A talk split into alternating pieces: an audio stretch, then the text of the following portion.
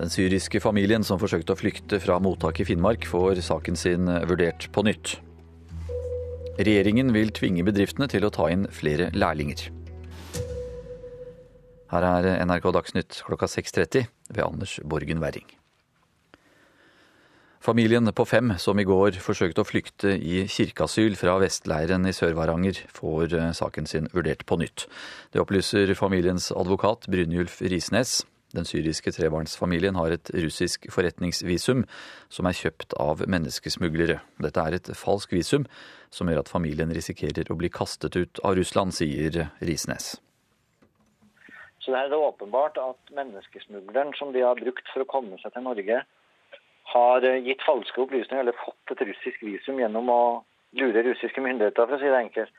Eh, og det eh, kan jo få den følge at hvis de kommer til Russland og dette blir oppdaga, så har jo de begått i realiteten et lovbrudd i Russland. Eh, og Vanlig praksis i sånne saker da er at visumet annulleres, og du får en kort frist til å forlate landet, altså forlate Russland. Altså jeg mener at Det eneste fornuftige nå, og det, det har jeg altså god tro på at det blir resultatet, det er at saken blir behandla i Norge. Eh, og vi sender jo ikke Vi sender jo ingen tilbake til Syria foreløpig, så da får de jo i hvert fall være i Norge på ubestemt tid.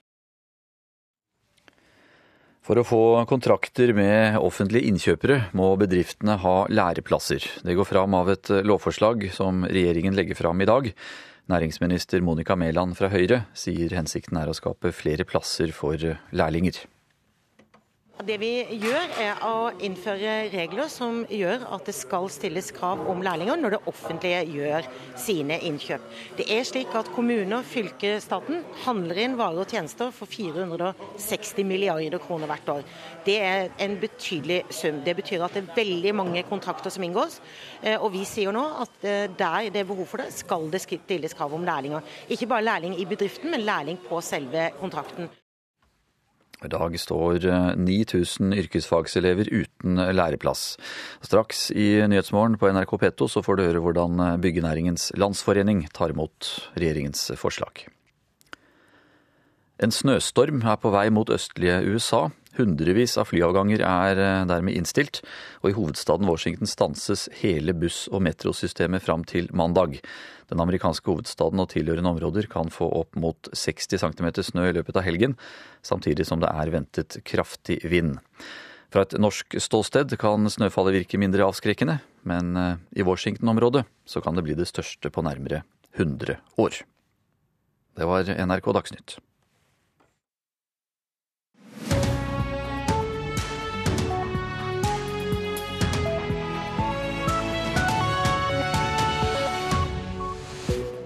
Nyhetsmorgen gir deg det fullstendige nyhetsbildet her i studio, Øystein Heggen med disse sakene. Vi tar straks inn vår reporter ved Vestleiren ankomstmottak i Kirkenes, der utsendelsene til Russland trolig fortsetter i dag. Byggenæringen skal altså si sitt om kravene om flere lærlinger i bransjen. Vil du ha sommerjobb, så må du begynne å søke nå. Og Norsk Folkehjelp angrer på sin kampanje med bloggeren Sofie Elise Isaksen, advarer andre hjelpeorganisasjoner. Flere hundre asylsøkere skal sendes tilbake til Russland over Storskog i Finnmark i tiden som kommer. I går skulle flere av beboerne ved Vestleiren ankomstmottak i Kirkenes bli sendt ut, men det ble stanset. Politiet regner imidlertid eh, med, med å kunne gjenoppta utsendelsene i dag. Reporter Ida Karine Gulvik, du er ved Vestleiren i Kirkenes. Hvordan er stemningen der eh, nå? Her er det foreløpig veldig stille og rolig, men etter i går så står det nå en politibil ved den ytterste porten til leiren. I går ble en familie på fem pågrepet etter å ha prøvd å komme rømme ved hjelp av lokale folk. Da. Eh, hvor stort engasjement har dette skapt i eh, lokalmiljøet? Altså, asylspørsmålet har prega Sør-Varanger-samfunnet helt siden i fjor sommer. Eh, det har allerede vært ei fakkelmarkering her på onsdag, og etter det som skjedde i går, så ser jeg at det er flere som planlegger en ny markering nå på formiddagen i dag. Så det er vel, eh, Man kan vel godt se at det skaper et stort engasjement her i Sør-Varanger. Så selv om eh, noen ble arrestert i går, så fortsetter det engasjementet? Det er det du tror kommer til å skje i dag? Ja, det er det det ser ut som for meg i alle fall. Det ble jo ingen utsendelse i går, men politiet har varslet at de vil få gjenopptatt i dag. Hvordan vil disse i så fall foregå? I går så fikk vi melding om at det hadde blitt hengt opp liste med navn på de som skulle sendes til Russland sånn i halv åtte-tida om morgenen. Og Planen var da at de som skulle sendes ut, skulle hentes med busser i titida. Eh, og Da skulle de sendes til grensa til Russland og videre til enten Nikkel eller Murmansk. Eh, det skjedde da ikke i går. Eh, så får vi se hva som blir status i dag. Ida Karine Gullvik, takk skal du ha. Du er vår reporter ved Vestleiren ankomstmottak. Ja, Vi hørte det i Dagsnytt. Regjeringen vil skjerpe kravene til bedrifter som eh, får store kontrakter med det offentlige. Dersom bedriftene ikke har lærlinger, får den heller ikke kontrakt. Hensikten er å få bedriftene til å opprette flere lærlingeplasser, noe det er stor mangel på. Her bygges det rekehytter og lagerskur, og til og med hundehus har vi bygd noe av. Kan man bestille hos dere? Næringsminister Monica Mæland fra Høyre får omvisning av rektor ved Kuben videregående skole i Oslo. Inne i snekkerverkstedet lukter det plank, og yrkeselevene kapper, hamrer, måler og bærer. Hva er det du lager? Jeg lager en dør. En dør, ja. Førsteårselevene som snekrer her inne, blir etter hvert lærlinger. Det må til for å få fagbrev. Men det er mangel på læreplasser. I dag står 9000 elever uten plass. Det vil næringsministeren forsøke å gjøre noe med. Det vi gjør, er å innføre regler som gjør at det skal stilles krav om lærlinger når det offentlige gjør sine innkjøp. Og det er betydelige innkjøp. Det offentlige må hente anbud ved kjøp over en viss verdi. Beløpsgrensen varierer ut ifra hva slags kontrakt det er snakk om. Ifølge Mæland kjøper det offentlige varer og tjenester for rundt 460 milliarder kroner årlig. Det er en betydelig sum. Det betyr at det er veldig mange kontrakter som inngås. Eh, og vi sier nå at eh, der det er behov for det, skal det stilles krav om lærlinger. Ikke bare lærling i bedriften, men lærling på selve kontrakten. Kravet om lærlinger skal også gjelde for utenlandske bedrifter. Det endelige forslaget er ikke klart, men LO-sekretær Trude Tindlund er fornøyd med det hun hører fra Høyre-statsråden. Fordi dette har LO ment lenge. Vi har lenge bedt om at man skal forsterke kravet til bruk av lærlinger i offentlige anbud. Fordi at vi har stor mangel på, på læreplasser, det er én ting. Og samtidig så ser vi at et forsterka tiltak her også kan gi effekter på andre områder som vi er veldig avhengig av.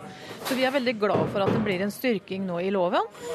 Oslo er en av kommunene som allerede har praktisert et regelverk likt det regjeringen nå ønsker på landsbasis.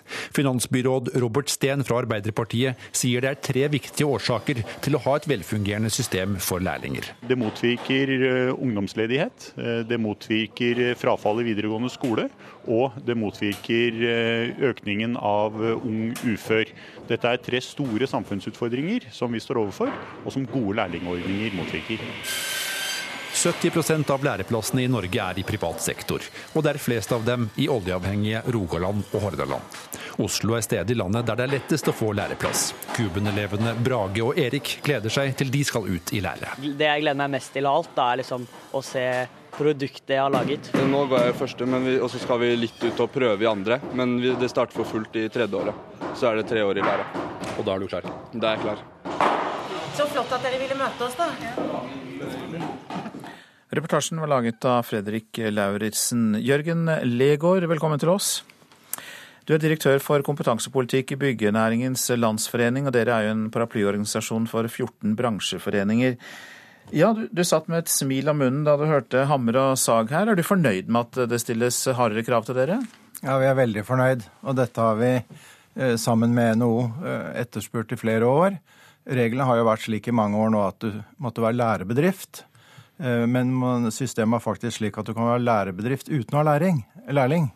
Og, og, vårt krav har vært at du må ha lærling i det enkelte prosjekt, så vi er veldig, veldig, veldig godt fornøyd. Ja, har det et behov for lærlinger i din bransje? Ja, det er et voldsomt behov i byggenæringen. Byggenæringen har et behov for omtrent 7000-8000 nye medarbeidere hvert år. Vi får om lag 3500 nye lærlinger hvert år. Om ikke tallet dobler, så la oss si at vi kan få drøye 2000 flere lærlinger. Det ville vært eh, helt fantastisk, både for ungdommen og for næringen. Ja, Dere er fornøyd, den blå regjeringen er fornøyd, det rød-grønne byrådet i Oslo er fornøyd, LO er fornøyd. Hvorfor har ikke dette opplagte tiltaket, virker det som, kommet før? Ja, Vi har noe som heter lov om offentlige anskaffelser, og vi har eh, et, et, eh, en lite annet vesen som heter EU. Eh, det er en del eh, både europeiske bestemmelser og norske bestemmelser rundt det å anskaffe. Det skal være konkurranse. Det skal ikke være konkurransehindrende. Det skal være Eh, slik at eh, myndighetene får en konkurranse og får en riktig pris i sine bestillinger. Så det er ikke bare å skrive, det må være balansert, og det er det vi tror vi har fått til nå. Og Det som er poenget her, er jo at dere da må ha lærlinger for å få eh, disse kontraktene. Men det kan jo bli kostbart for dere i staten. Topplønn skal de ikke ha, men de skal ha lønn.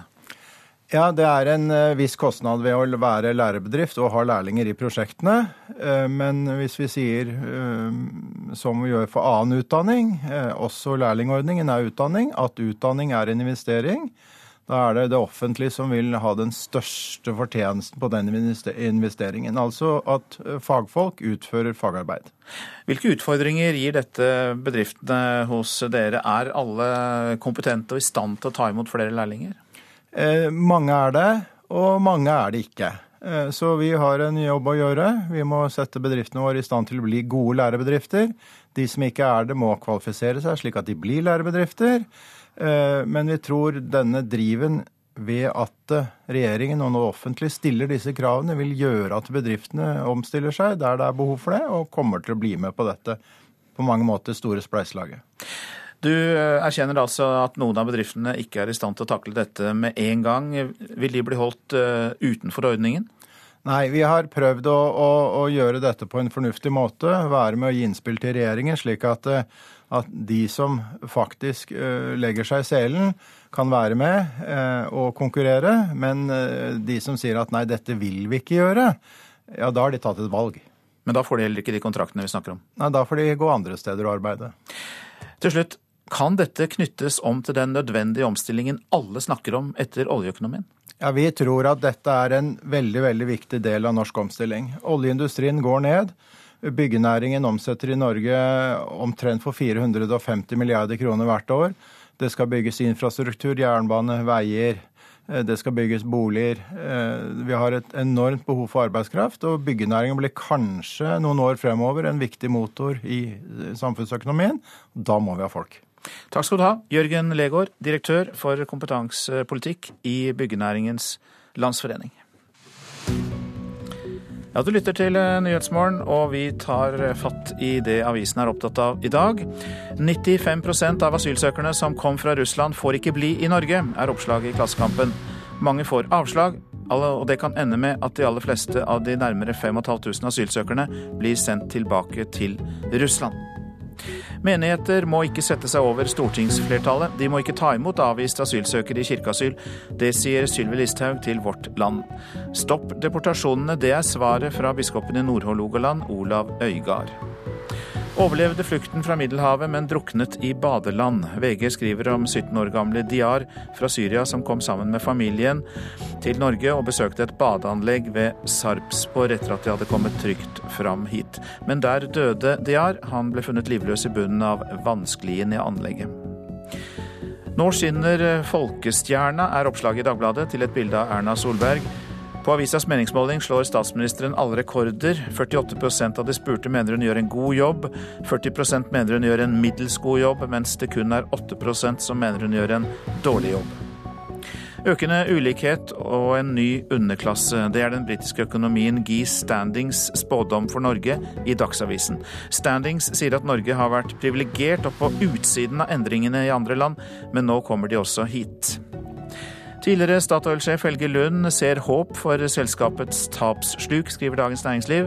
Lund mener det er for tidlig å felle en dom over Statoils kostbare oppkjøp i hans tid som leder av selskapet. Og da snakker vi bl.a. om oljesand og skifergass i Nord-Amerika. Melkebonde Paul Kenneth Lutzi fra Sandnes sier til Nasjonen at han går mot hardere tider med et lån på 14 millioner kroner. Stadig flere bønder har over 10 millioner kroner i gjeld, og det er risikabelt, sier banksjef Morten Malmin i SR Bank. Om seks til sju år må Bergen selge en million flere hotelldøgn per år, sier Ole Varberg i Bergen Reiselivslag til Bergensavisen. Det har nemlig vært en enorm byggeboom, og de neste årene vil kapasiteten på hotellsenger øke med 60% Skiskytterne de er kritiske til puljesystemet i VM. Bare de to beste nordmennene kan velge første pulje i VM, og dermed gå ut blant de ti første. Har du seint startnummer, er du trolig sjanseløs i Kollen i mars, og det er et dårlig system, sier Tarjei Bø. Det er jo en rar ja, regel, egentlig. fordi Er du topp ti, så er du topp ti. Om det er fem nordmenn eller tre nordmenn, så burde vi hatt, hatt alle i første pulje. Og vi er jo fire nordmenn blant de ti, så da er det klart at i VM så er det to som, som ikke får den beste startpuljen. Og Terje Bø får støtte av superveteran Ole Einar Bjørndalen. Han har forsøkt en rekke ganger å få gjort om systemet, men Det internasjonale skiskytterforbundet holder stand. Om det er 10 eller 15 eller 20 eller eh, Det burde vært annerledes, men hva som skulle vært annerledes, det, da må man sette seg virkelig ned. Og vi har diskutert det veldig mye, men uh, skiskyting og Internasjonale biatlonunion er bygd opp sånn at det er en kongress som bestemmer de reglene, så det blir fryktelig vanskelig å endre. og jeg jobba med det i hele sommer og jobba med det i høst og i vinter. Og dette her må du ta med Internasjonal Skiskytterforbundet, for det er dem som er bremsen her. Anders Besseberg, som er president i IBU, sier han hilser et forslag fra utøverne velkommen, men det er for sent å endre dette til VM. Nei, det er klart det er jo en sak som har vært diskutert i en årrekke og vært oppe på flere kongresser. Og det systemet vi har nå, det er jo noe som det store flertallet av løperne er eh, fornøyd med. De som er misfornøyd, det er jo da akkurat de verdens beste som har kommet i den der knipa, at de havner utafor det. Vi har jo tatt opp, eh, ikke sant, fordi i Hogfilsen så følte jeg at jeg mistet en seier på, på, at jeg ikke fikk velge først. Nå har jeg gått forbi de andre gutta på verdenscuplista, så nå er det min tur å velge først. Så det, eh, kanskje det går eh, opp i opp, men akkurat under VM så har jo alle lyst til å være i toppform. Og kjedelig da hvis det, det er en nordmann som blir felt av forholdet. Reporter her, det var Pål Thomassen. Klokka den er 6.47 der, og vi har disse hovedsakene i Nyhetsmorgen. Regjeringen vil skjerpe kravene til bedrifter som får store kontrakter med det offentlige. Dersom bedriften ikke har lærlinger, får den heller ikke kontrakt. Byggenæringens Landsforening støtter reformen, det sa direktør Jørgen Legård her i Nyhetsmorgen nettopp. Unge Høyre går inn for at kommuner og fylker med dårlige skoleresultater settes under statlig kontroll. Mer om det etter klokka sju. Familien på fem som i går forsøkte å flykte i kirkeasyl fra Vestleiren i Sør-Varanger i Finnmark, får saken sin vurdert på nytt. Det opplyser familiens advokat Brynjulf Risnes. Norsk Folkehjelp angrer på sin bloggkampanje, advarer andre hjelpeorganisasjoner. Det skal vi høre mer om straks. Men først om hundeliv i Buskerud. Det er 30 hunder i Nedre Buskerud som er på et høyintensivt kurs de neste dagene for å bli enda bedre til å drive spesialsøk. Og da snakker vi om hunder fra politiet, fra Nokas redningshunder og til og med familiehunder som er med for å få siste kurs innen godt nesearbeid.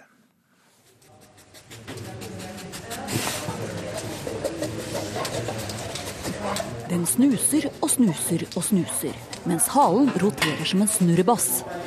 Field spanielen særlig er på kurs, nemlig, og målet er å bli enda bedre på å lukte. Hva er det han søker etter? Denne her søker egentlig bare etter te. Telo. Må vi, må vi være stille? Vi snakka veldig stille nå. Vi må egentlig ikke være så stille. Den jobber veldig på her nå? Ja, jobber veldig, ja. veldig godt. Og hører, hører nesa, nesa går. Ja. Gro Saugerud er hundeinstruktør, og begge står vi imponerte og ser på at hundesnuta jobber på høygir.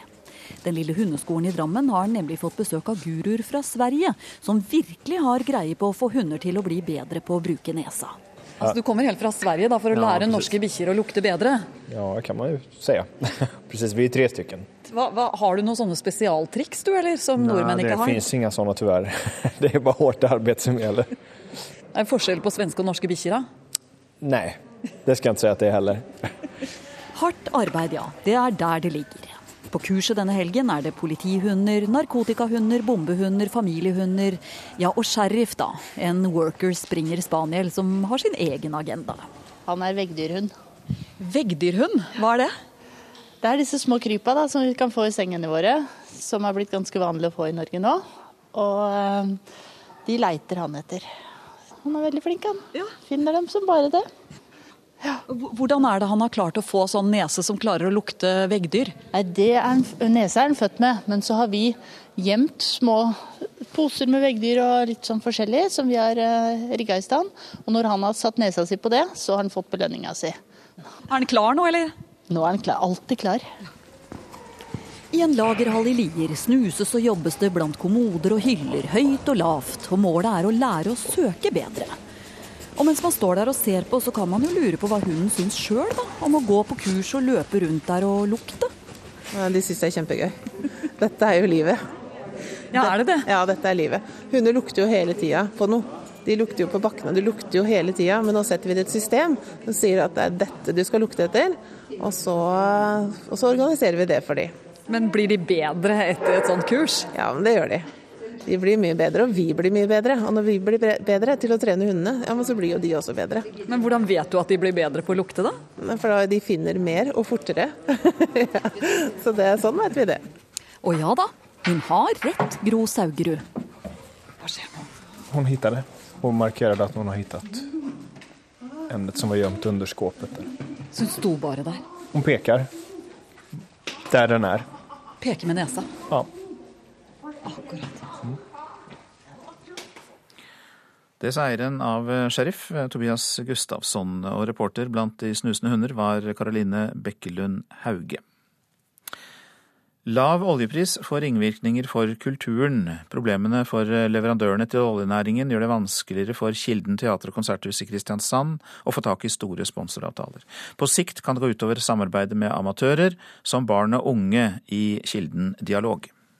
Vi eh, har merket at det er eh, sponsorer som har trukket seg ut av de samarbeidsavtalene vi har, og vi har hatt eh, utfordringer med å få signert nye. Jannike Auli er salgs- og markedssjef på Kilden teater- og konserthus i Kristiansand.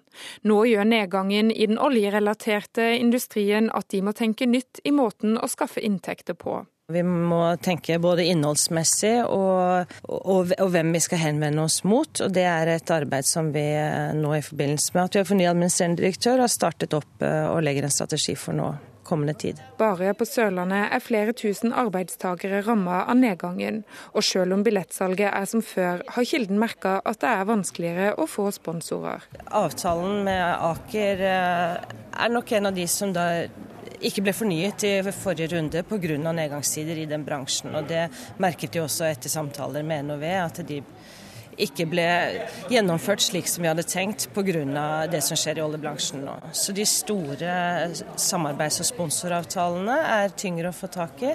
Men så bruker firmaene oss på en litt annen måte, f.eks. med å sponse billetter, sånn at sine ansatte kan gå sammen og se en forestilling med sine sin familie. National Oilwell Varco er et av selskapene som er hardt rammet av nedgangstidene, og som derfor har sett seg nødt til å kutte i sponsorvirksomhet, også til kultur, sier kommunikasjonssjef Dag Nordbø. Vi har ikke vært en stor sponsor av Kilden. Men vi har hatt samtale med Kilden og gått inn på noen prosjekter og hatt et ønske om å øke den aktiviteten. Nå rammes eh, progresjonen i dette arbeidet av at vi har mindre penger å sponse med. Jeg håper vi skal komme sterkt tilbake og så håper jeg at vi skal finne gode prosjekter likevel, i et format som vi kan eh, greie å håndtere i disse vanskelige tidene. Reporter var eh, Miriam Grove. Men eh, prisen på nordsjøolje steg 6,7% i løpet av gårsdagen.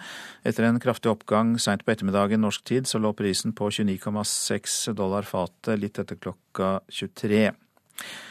Oppgangen forklares både med et angrep på et oljeanlegg i Libya og uttalelser fra mm, direktøren for den eh, for EU, europeiske banken, eh, Mario Draghi, som peker i retning av nye tiltak for å stimulere økonomien i eurosonen.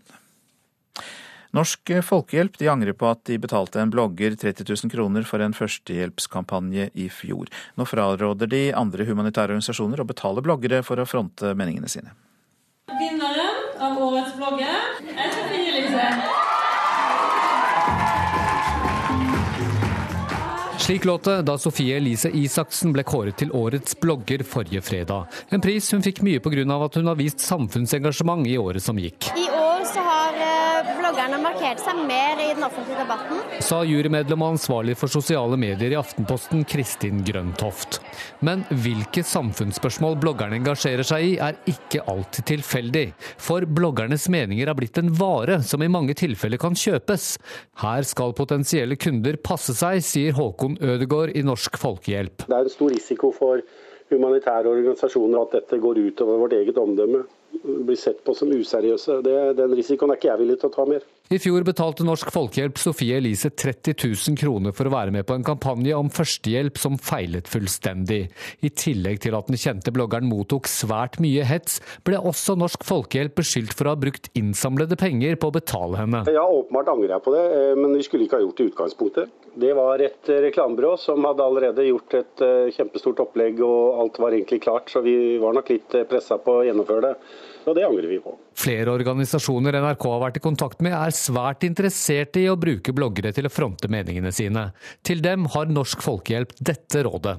Jeg er jo fraråde å betale for å uh, bruke bloggere. Det ble en uh, voldsom storm fordi uh, folk følte seg lurt. Og det var ikke bra for oss og ikke bra for henne.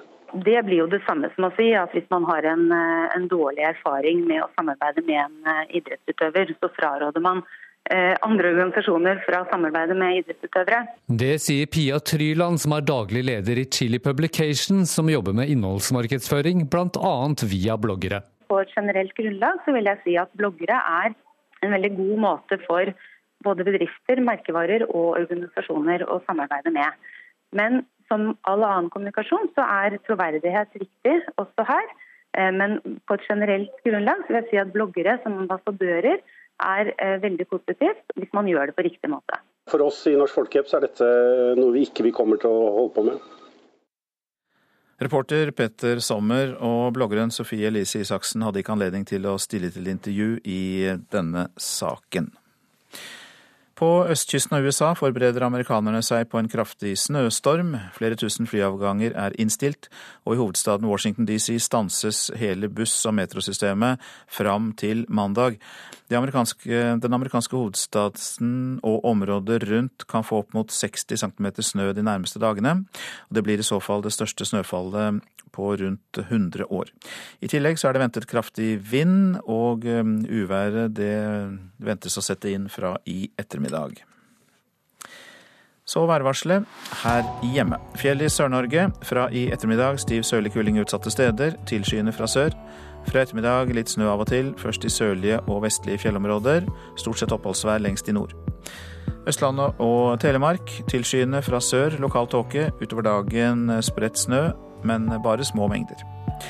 Agder får fra ettermiddag stiv sørøstlig kuling vest for Lindesnes. Det blir skyet vær. Litt snø av og til, sludd på kysten i vest. Så ser vi Vestlandet sør for Stad samlet. Sørøstlig stiv kuling på kysten og utsatte steder. Fra i ettermiddag til dels liten storm ytterst på kysten. Sør for eh, Stavanger litt sludd eller snø av og til. Ellers tilskyende, stort sett oppholdsvær. I kveld etter hvert snø, og nær eh, kysten sludd eller regn. Så går vi til Møre og Romsdal, som får lettskyet oppholdsvær i dag. I kveld sørlig stiv kuling utsatte steder. På Sunnmøre kan det komme litt snø i kveld, og eh, mest da nær kysten. Der blir det som regn eller sludd. Trøndelag i formiddag sørøst liten kuling utsatte steder. I kveld oppe i stiv kuling. Etter hvert for det meste pent vær i Trøndelag. Nordland sørlig liten kuling utsatte steder. Litt snø, på kysten sludd, men fra i ettermiddag lettere vær på Helgeland. I kveld liten sørøstlig kuling på Helgeland. Oppholdsvær også lenger nordover i fylket. Troms får periodevis stiv sørøstlig kuling i utsatte kyst- og fjordstrøk. I ettermiddag minking til liten kuling. Det blir snø i Troms, særlig da i ytre strøk.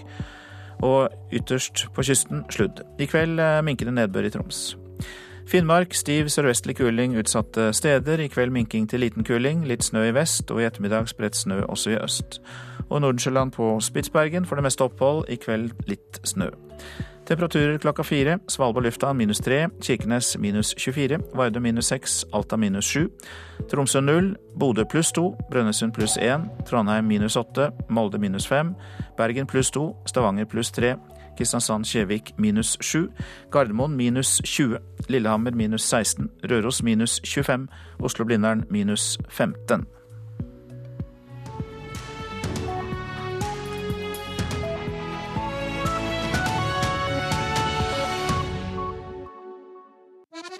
NRK P2 presenterer Kortdukk 2015. Konkurransen for korte dokumentarer. Hallo, Titti! Dette er naboen som påsto at jeg åt meg og kanin til middag den gangen. Hør de beste bidragene og få vinneren. Hallo, nå skal jeg! Kortdukk 2015 lørdag klokken 10 i NRK P2. Regjeringen vil tvinge bedriftene til å ta inn flere lærlinger. Godt forslag, mener Byggenæringens Landsforening. Politiet regner med å sende flere asylsøkere tilbake til Russland over Storskog i Finnmark i dag. Her er NRK Dagsnytt klokka sju ved Anders Borgen Werring. Regjeringen vil kreve at bedrifter som får kontrakter med det offentlige må ha plasser for lærlinger. Det går fram av et nytt lovforslag som regjeringen legger fram i dag. I dag står 9000 elever uten læreplass. Direktør for kompetansepolitikk i Byggenæringens Landsforening, Jørgen Legård, er glad for å få strengere krav. Ja, Vi er veldig fornøyd, og dette har vi sammen med NHO eh, etterspurt i flere år.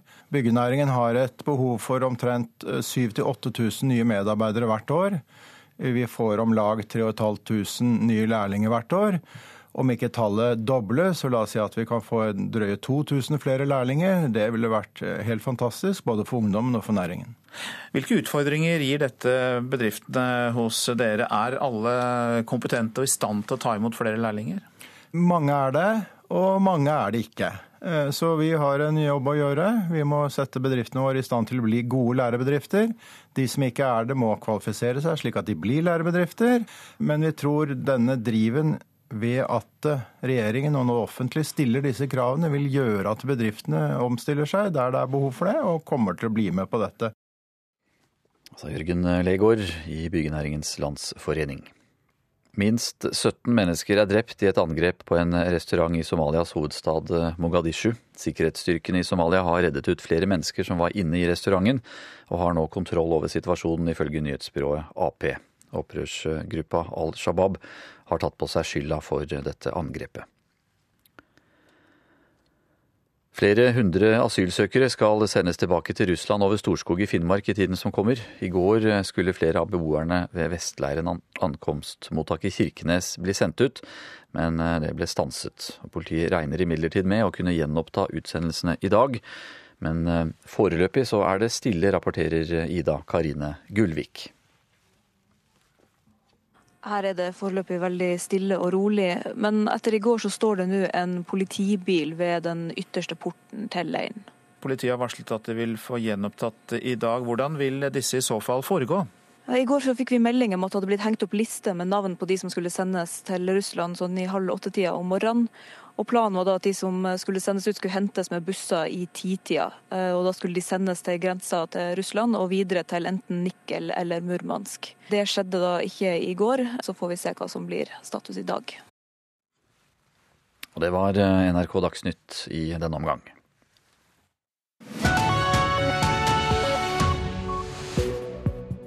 Du lytter til Nyhetsmorgen, og vi har disse sakene i den neste halvtimen.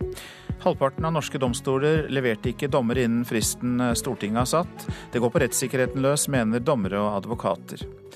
Dårlige skolekommuner må settes under statlig kontroll, det mener Unge Høyre. Brasil nekter å godta Israels ambassadør til landet fordi han har bakgrunn fra en bosetterorganisasjon. Og vil du ha sommerjobb, så må du begynne å lete og søke nå.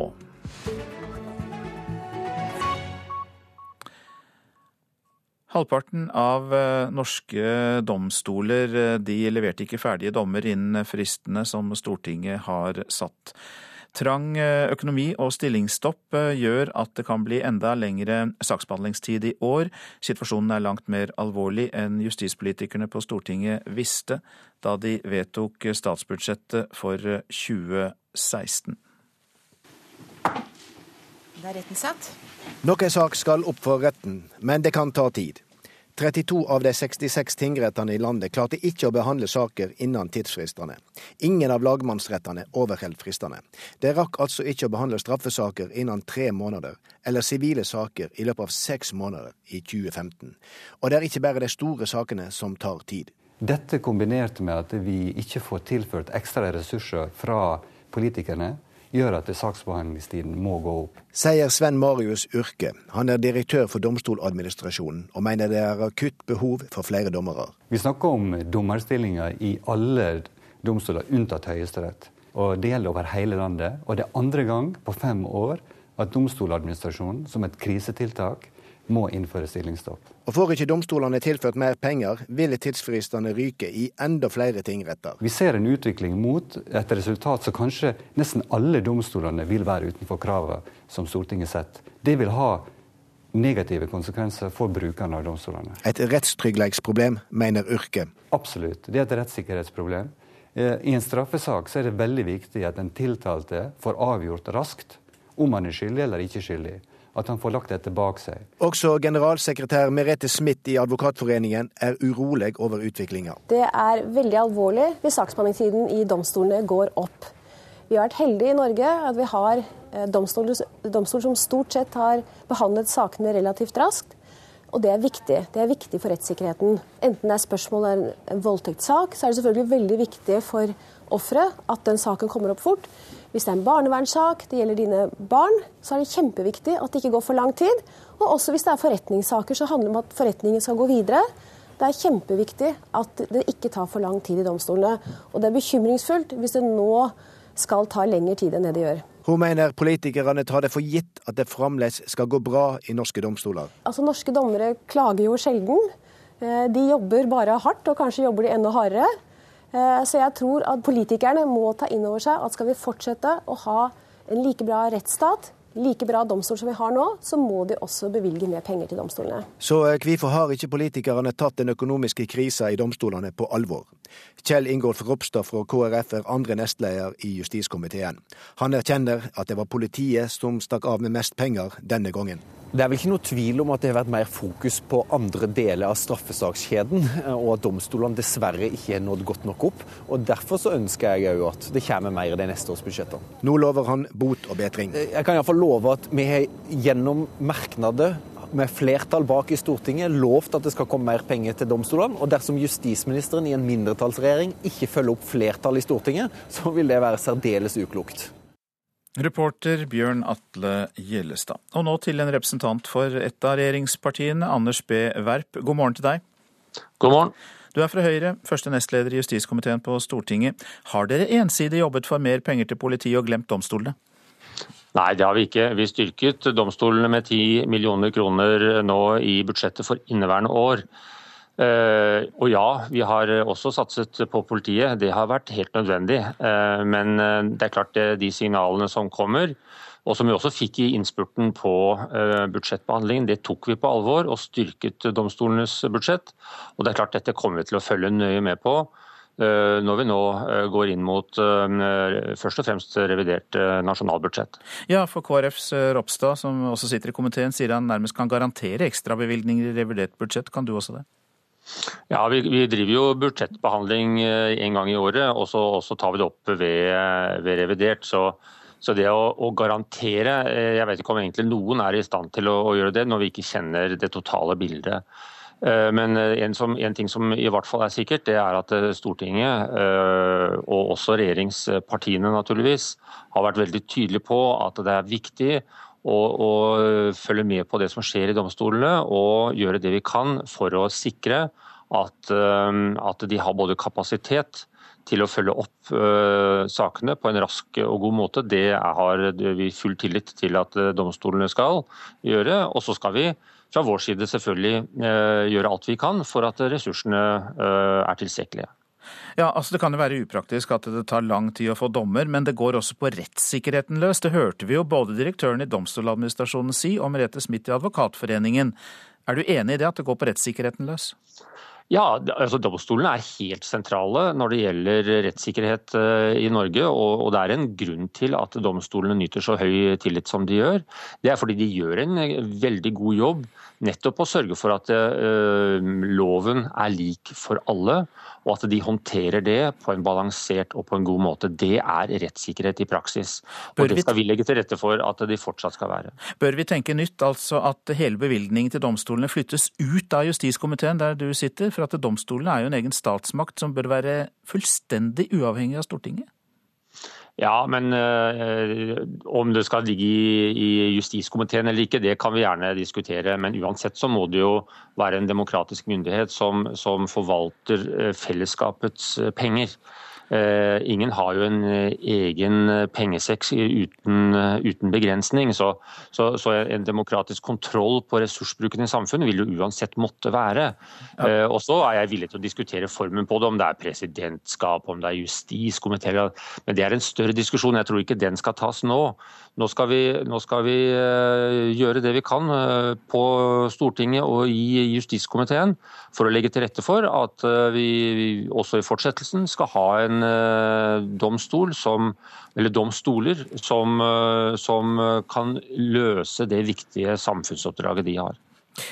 Takk skal eh, du ha i denne omgang, Anders B. Werp fra Høyre, første nestleder i justiskomiteen på Stortinget. Nå til Unge Høyre. De ønsker et oppgjør med de store forskjellene i Skole-Norge. Ungdomspartiets skoleutvalg går inn for at kommuner og fylker med dårlige skoleresultater settes under statlig kontroll. Forskjellene mellom kommunene er altfor store, sier leder av utvalget Mathilde Tybring-Gjedde. Du kan nesten si til en seksåring som begynner på en skole og går i en viss kommune og har foreldre uten høyere utdannelse, at du mest sannsynlig ikke kommer til å fullføre videregående. Statistikken er så tydelig på det. Og Det mener vi er et veldig stort problem, og at eh, vi trenger eh, større grep enn det som har blitt gjort så langt. Unge Høyres løsning er å svarteliste kommuner og fylker som ikke når opp på ulike tester og mål. Nasjonale prøver, PISA-prøver, frafall og grunnskolepoeng skal avgjøre om kommunen havner på lista over steder hvor staten går inn og tar kontroll. Mange kommuner som skoleeiere må faktisk få bedre eh, opplæring i hva deres rolle er, og lære av andre kommuner som har lykkes. For meg så er det egentlig veldig viktig sånn at når vi har hatt prøver og fremføringer og sånn, og i det hele tatt i timene som du sier, at vi får tilbakemeldinger om hva vi har gjort riktig. Ine Hafnor er elev i klasse 10B på Grasmyr ungdomsskole i Bamble. Og så syns jeg det er veldig viktig om hva vi har gjort feil også. Sånn hvis du ikke får toppkarakteren, om hva du kan gjøre for å få den karakteren, da. Hun er fornøyd med skolen sin. Ja, veldig. Det er veldig bra miljø her. Klassevenninne Helene Forssanner er også fornøyd. Men hvordan kan skolen hennes bli enda bedre? Kanskje litt mer jevnlig tilbakemelding. Sånn ikke bare på prøver og sånn, men at kanskje læreren snakker én til én med eleven. Og liksom tar en ordentlig samtale. Mer tid til hver enkelt elev. Ja. Bamble kommune skårer jevnt over litt under landsgjennomsnittet på eksamenene i 10. klasse. Men de har gode resultater på andre mål, som læringsmiljø og trivsel. Ordfører Hallgeir Kjeldal fra Arbeiderpartiet synes statlig kontroll er en dårlig idé. Det er kommunene som kjenner eh, skolen sin best. Det er kommunene som kjenner eh, elever, eh, bakgrunnsforhold. Og det er det som legger til grunn for hvordan vi skal jobbe med skole over tid. Han setter sin lit til at dette ikke blir høyrepolitikk, fordi han mener det bryter med prinsippene om kommunalt selvstyre. Så dette henger jo ikke på greip, egentlig, fra Unge Høyre. Dette å gå inn og overstyre kommunene på skolefronten, det tror jeg ikke noe på. Jeg er veldig opptatt av at eh, lokalpolitikerne skal ta ansvar for sine oppgaver og gjøre det på en god måte. Sier Tybring-Gjedde. Samtidig så mener jeg faktisk at når det er en så stor forskjell, da må man faktisk ta noen grep eh, fra statens side. Og det handler om å gi disse kommunene ekstra ressurser. Reportere her Katrin Hellesnes og Veronica Westrin. Professor eh, Torberg eh, Falk, eh, god morgen til deg. God morgen. Du er med oss fra studio i Trondheim. Du er professor ved Institutt for samfunnsøkonomi ved NTNU. Og du har gjort undersøkelser rundt dette temaet. Er det mulig å gjennomføre en slik svartelisteordning? Ja, det som vi ikke har i dag, er jo god informasjon om hva som er gode skoler og mindre gode skoler. Så det jo, må, må, jo da eh, eventuelt eh, etableres først. Og nå, hvis man skal eh, etablere det, så er jo ikke først og fremst for svartelisting som bør være formålet, men det vil jo gi en indikasjon på hvilke skoler som fungerer dårlig. Det, det, er ikke helt enkelt, fordi at elevgrunnlaget er forskjellig på skolene. Så det er ikke nok å, å, bare teste elevene, men man må også vurdere resultatene i forhold til elevgrunnlaget for å kunne si noe om hvor dyktige skolene er til å gi elevene læring. Hvilke metoder er det vi bruker i dag da, for å måle om en eh, skole er dårlig eller god, og metoder som ikke er eh, bra nok? Det er jo flere måter å, ta hensyn til at elevgrunnlaget er forskjellig. OECD har anbefalinger om dette tilbake fra 2008. Vi gjorde en undersøkelse som vi publiserte i 2013 som som viste at, eh, at, når det gjelder videregående opplæring, så er, det, det, det å, å, så elevgrunnlaget beskrevet med ungdomsskolekarakterene i all hovedsak. sånn at eh, Eh, sånn at det kan være gode skoler som for så vidt kan se ut som at det er dårlige resultater, men de er gode fordi at de har et svakt elevgrunnlag i utgangspunktet. La oss si at det blir en bedre måling av dette. La oss da også si at eh, man får kraftigere statlig inngrep for å styre de som ikke gjør det bra nok. Hvordan kan eventuelt sentrale myndigheter bedre kvaliteten på skolene? Ja, så Statlig inngrep og kontroll kan jo gjøres på eh, mange måter. Eh, i hvert fall tre forskjellige, prinsipielt forskjellige måter. Jeg er enig i at staten kan gå måte, direkte inn og drive skolene sjøl. Det har staten egentlig ikke kompetanse til. Staten driver eh, kun svært få spesielle skoler i dag. Mm. Eh, en annen måte er at staten går inn og stiller krav om at spesielle endringer skal gjøres. Eh, dette ligner jo mer på et amerikansk system, hvor, det, hvor skoler som over tid viser seg å, å ha dårligere resultater på, på sånne Eh, indikatorer på hvor dyktige de er. Eh, da stiller man krav om at rektor må skiftes ut, elevene skal få muligheten til å starte på andre skoler og lignende. Den tredje muligheten er, er, har en litt annen form, eh, og som, og som Ontario i Canada har vært ledende i utvikle, og det er at staten stiller opp med muligheten til å støtte opp under endring og utvikling på skolen. Der har man et slags ekspertteam av lærere som kan eh, bidra inn i skolene. Danmark er i ferd med å lage samme systemet. Så Danmark, der rekrutterer staten inn eh, dyktige lærere fra skolen og etablerer et, et korps for eh, rådgivning og veiledning til skolene, og som kan reise til skolene. Og så har lærerne denne jobben i to-tre-fire år, og så er de tilbake i ordinær virksomhet. Det det vil være mer positiv eh, vinkling på dette med at, eh, at hvordan kan vi hjelpe skolene som sliter med å, å, få til mye læring i dag, til å fungere bedre. Det var tre mulige metoder fra deg, professor Torberg Falk. At staten overtar helt, at vi følger et amerikansk system, eller kanskje et dansk system, som vi hørte om til slutt der. Du er da professor ved Institutt for samfunnsøkonomi ved NTNU. Og så er Håvard Grønli kommet til studio. Du jobber i politisk redaksjon, og eh, du skal kanskje si litt mer om dette i Politisk kvarter? Vi tenkte vi skulle spørre om dette, kan, eh, dette forslaget kan bli høyrepolitikk. Ungdomspartiet møter moderpartiet hos oss klokka 7.45, og det er kanskje ikke helt usannsynlig. Klokka den passerte nettopp 7.17. Dette er sakene i Nyhetsmorgen. Minst 17 mennesker er drept i et angrep på en restaurant i Somalias hovedstad Mogadishu. Sikkerhetsstyrkene har reddet ut flere mennesker fra restauranten. Halvparten av norske domstoler leverte ikke dommer innen fristen Stortinget har satt. Det går på rettssikkerheten løs, mener dommere og advokater. Og regjeringen vil skjerpe kravene til bedrifter som får store kontrakter med det offentlige. Dersom bedriftene ikke har lærlinger, får de heller ikke kontrakt. Russland setter en frist til fredag i neste uke for å få i gang de lenge planlagte Syria-samtalene i Genéve. Nå åpner landet for at de kan komme til å støtte en alternativ opposisjon. Hvis den syriske koalisjonen av opposisjonsgrupper som støttes av Saudi-Arabia, ikke klarer å samle seg om en felles sjefsforhandler. Moskva-korrespondent Morten Jentoft, du er med på en reise for journalister til Syria, arrangert av russiske myndigheter. Og hvorfor vil Russland støtte en alternativ opposisjonsgruppe?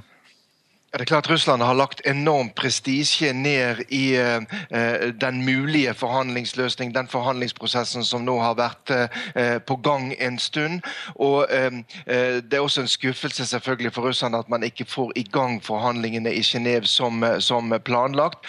Og Russerne har også vært veldig nøye med å si at man må skille mellom grupper som da kan betegnes som, etter deres mening som terrorister og grupper som ikke betegnes som terrorister i den, i den syriske opposisjonen.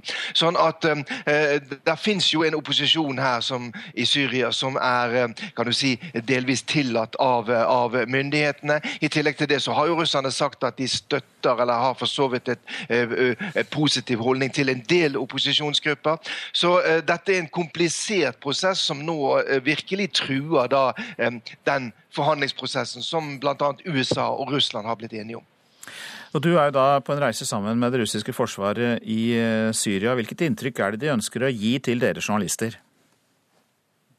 Ja, det er klart at uh, Vi er jo i Latakia-provinsen uh, nordvest i Syria. Dette er jo president Bashar al-Assads viktigste støttepunkt i Syria. Her bor veldig mange av den alavittiske minoriteten, altså denne shia-muslimske minoriteten Der hørte vi ikke mer fra i eh, Syria. Sånn at eh, Her ønsker jo Russland selvfølgelig å vise at det er en brei folkelig støtte. og Det er det nok også akkurat her da for president Bashar al-Assads styre. Litt vrien Ja, forbindelse. jeg er med fremdeles her, så. Ja, du er med fremdeles. Det er litt vrien forbindelse. Men vi gir oss ikke. Vi tar et spørsmål til. Russlands strategi har jo vært å påvirke det politiske spillet gjennom å bombe både IS og moderate grupper. Har de lykkes? De har lykkes eh, i alle fall kan vi si, for å få i gang da, den eh, fredsprosessen som er nå. Mm, De fleste er jo enige om at den har vært med på å eh, tvinge partene til forhandlingsbordet. Ikke, tving, ikke minst tvinge da opposisjonen til forhandlingsbordet fordi at bombekampanjen som russerne har gjennomført her, har styrket president Bashar al-Assad. Hans styrker har vært på offensiven den siste tiden. Og en del av opposisjonsgruppene har innsett at de nå kanskje er nødt til å sette seg ned og forhandle. Hvis ikke så vil de kanskje tape eh, enda mer. Eh, så i sånn sett så har eh, russerne da med sin bombekampanje vært med på å tvinge fram da eh, eh, den, den fredsprosessen, hvis vi skal kunne kalle det det, som er i gang nå. Mange takk skal du ha. Moskva-korrespondent Morten Jentoft, som altså var med oss eh, fra en reise til Syria. Brasil nekter å akseptere Israels nye ambassadør til landet. Problemet er at Dani Dayan er tidligere leder og lobbyist for bosetternes mektige organisasjon Yesha. We won because we are determined to, to. Vi bosettere har vunnet kampen fordi vi bestemte oss for å ofre. Vi skapte fakta på bakken, sier Dani Dayan. Jeg tok en kaffe med Dayan for en tid siden, før han ble utnevnt som ambassadør til Brasil. Han hadde akkurat vært leder for bosetternes mektige organisasjon, Jesha, i seks år. Den sekulære Dayan er en annerledes bosetterleder. Han er lett å omgås og snakker flere språk. Den argentinskfødte IT-gründeren reiste verden rundt før han gikk inn i bosetterpolitikken. Vi vant fordi venstresiden ble rammet av apati og eskapisme, mens vi bosettere fortsetter å kjempe for vår sak, sier Dayan. Og under hans tid fikk bosetterne internasjonalt gjennomslag. Yes, I think I was the first settler, as a settler was received uh, in the White House, in the State Department, in the Euro- Jeg var den første bosetterlederen som ble invitert inn i varmen. Til USA, til EU. Jeg ble invitert av alle, forteller Dayan. Til nå. For da han ville bli ambassadør i Brasil, sa vertslandet stopp. En talsmann for president Dilma Rousef sier at utnevnelsen av Dayan som ambassadør er feil. Og det å utnevne ham før han har fått godkjent akkreditivene sine, roter til den diplomatiske fremgangsmåten, sier presidentens rådgiver Marco Garcia. Dessuten, verken president Dilma Rousef eller hennes rådgiver har glemt at talsmannen for israelsk UD, Igal Palmor, kalte Brasil for en diplomatisk dverg etter at Brasil kritiserte Israels bombing av Gaza sommeren 2014. Palmor gjorde også det utilgivelige. Han ydmyket Brasil som fotballnasjon. Palmor brakte opp det forsmedelige nederlaget mot Tyskland på hjemmebane. For under fotball-VM i Brasil tapte Brasil 1-7 mot Tyskland i en semifinale. Jeg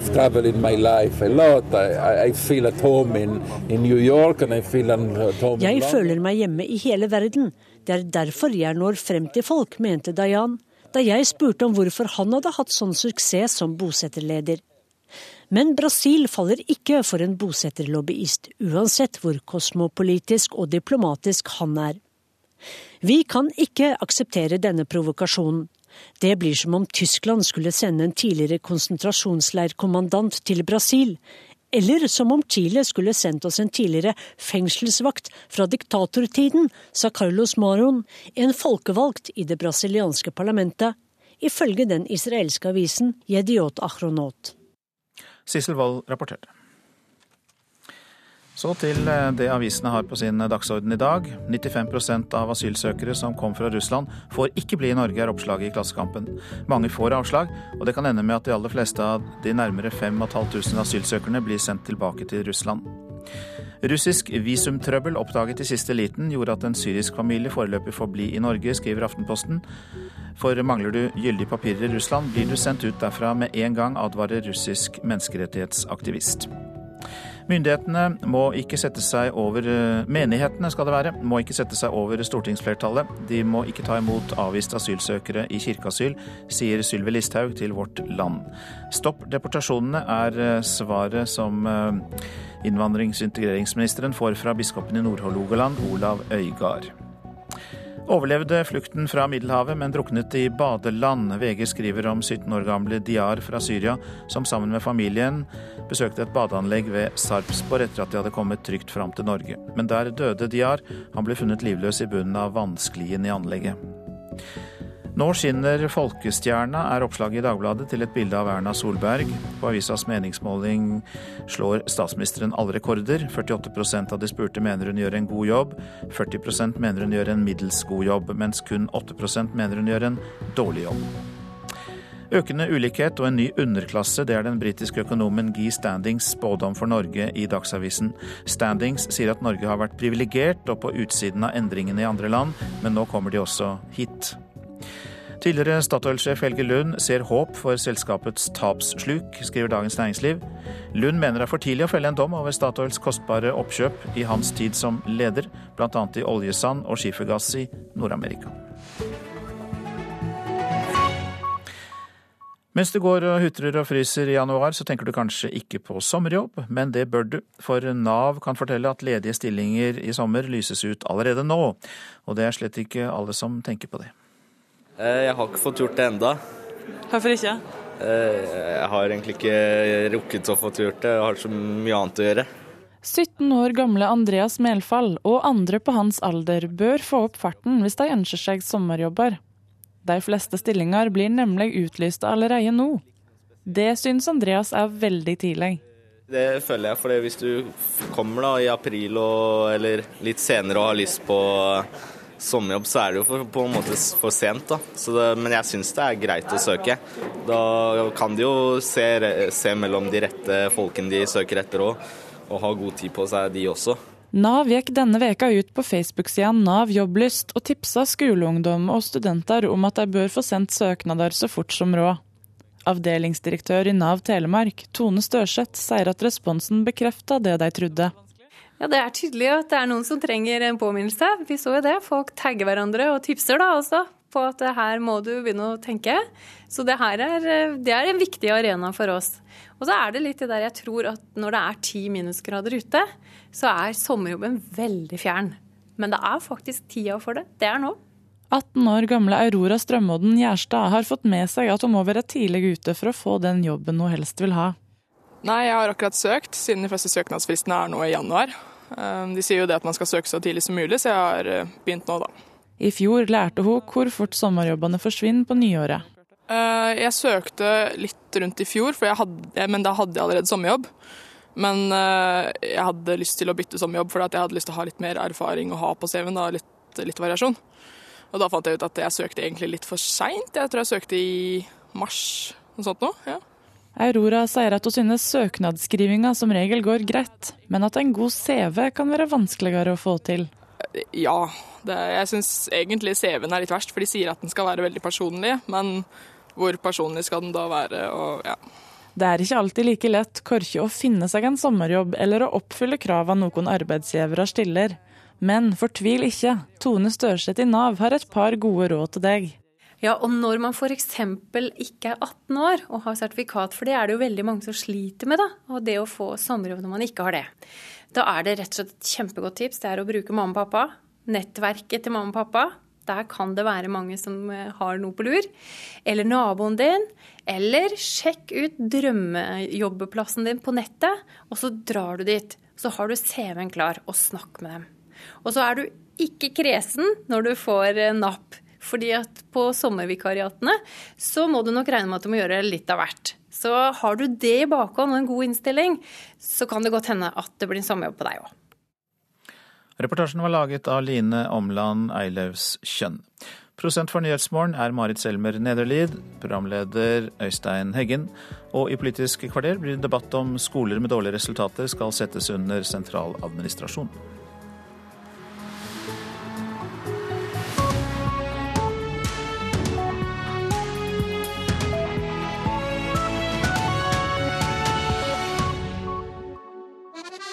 NRK P2 presenterer Kortdukk 2015. Konkurransen for korte dokumentarer. Hallo, Titti!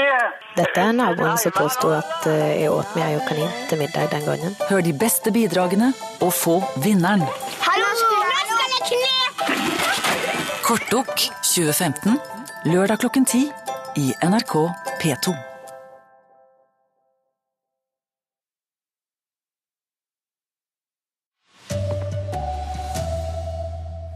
Domstolene er så trege med å behandle saker at det går på rettssikkerheten løs. Det sier både advokater og dommere. Dårlige skolekommuner må settes under statlig kontroll, mener Unge Høyre. Regjeringen vil tvinge bedriftene til å ta inn flere lærlinger. Her er NRK Dagsnytt klokka 7.30 ved Anders Borgen Werring. Halvparten av norske domstoler leverer ikke ferdige dommer innen fristene som Stortinget har satt. Trang økonomi og stillingstopp gjør at det kan bli enda lengre saksbehandlingstid i år. Situasjonen er langt mer alvorlig enn justispolitikerne på Stortinget visste da de vedtok statsbudsjettet for 2016. Enten det er spørsmål om en voldtektssak, så er det selvfølgelig veldig viktig for offeret at den saken kommer opp fort. Hvis det er en barnevernssak, det gjelder dine barn, så er det kjempeviktig at det ikke går for lang tid. Og også hvis det er forretningssaker, så handler det om at forretningen skal gå videre. Så alvorlige er konsekvensene av dommermangelen og lang saksbehandlingstid i det norske rettssystemet, sier generalsekretær i Advokatforeningen Merete Smith. Eh, så jeg tror at politikerne må ta inn over seg at skal vi fortsette å ha en like bra rettsstat, like bra domstol som vi har nå, så må de også bevilge mer penger til domstolene. 32 av de 66 tingrettene i landet klarte ikke å behandle saker innen tidsfristene. Ingen av lagmannsrettene overholdt fristene. De rakk altså ikke å behandle straffesaker innen tre måneder, eller sivile saker i løpet av seks måneder i 2015. Og det er ikke bare de store sakene som tar tid. Dette kombinert med at vi ikke får tilført ekstra ressurser fra politikerne, gjør at saksbehandlingstiden må gå opp. Sier Sven Marius Urke. Han er direktør for Domstoladministrasjonen, og mener det er akutt behov for flere dommere. Det er et rettssikkerhetsproblem. Eh, I en straffesak så er det veldig viktig at den tiltalte får avgjort raskt om han er skyldig eller ikke skyldig at han får lagt dette bak seg. Så eh, hvorfor har ikke politikerne tatt den økonomiske krisa i domstolene på alvor? Kjell Ingolf Ropstad fra KrF er andre nestleder i justiskomiteen. Han erkjenner at det var politiet som stakk av med mest penger denne gangen. Det er vel ikke noe tvil om at det har vært mer fokus på andre deler av straffesakskjeden, og at domstolene dessverre ikke har nådd godt nok opp. Og Derfor så ønsker jeg òg at det kommer mer i de neste års budsjetter. Reporter her, det var Bjørn Atle Gildestad. Unge Høyre mener det er på tide å ta et oppgjør med de store forskjellene i Skole-Norge. Ungdomspartiets skoleutvalg foreslår at kommuner og fylker med dårlige skoleresultater settes under statlig kontroll. Det er udemokratisk å la barn og unge gå på skolen uten å lære det de skal. Det sier leder av utvalget, Mathilde Tybring-Gjedde.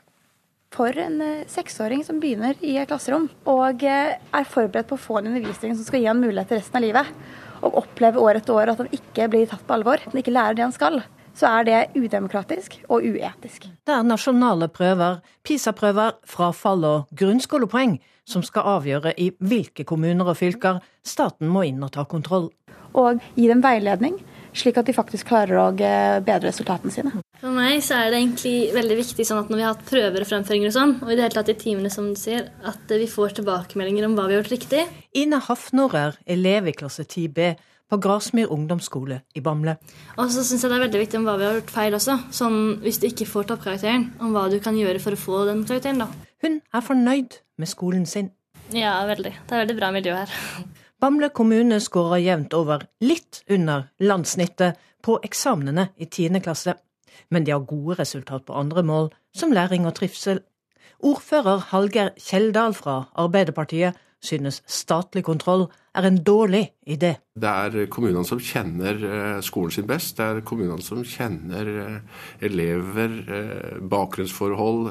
Og det er det som legger til grunn for hvordan vi skal jobbe med skole over tid. Men Tybring-Gjedde mener at målet må være å løfte dårlige skolekommuner. Mange kommuner som skoleeiere må faktisk få bedre opplæring i hva deres rolle er, og lære av andre kommuner som har lykkes.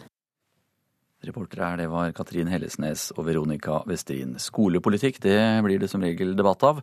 Den tar vi først nå i Politisk kvarter på P2 kvart på åtte. Flere hundre asylsøkere skal sendes tilbake til Russland over Storskog i Finnmark i tiden som kommer. I går skulle flere av beboerne ved Vestleiren ankomstmottak i Kirkenes etter planen sendes ut, men dette ble stanset. Politiet regner imidlertid med å kunne gjenoppta utsendelsene i dag. Og reporter Ida Karine Gullvik, du er ved Vestleiret nå. Hvordan er stemningen der?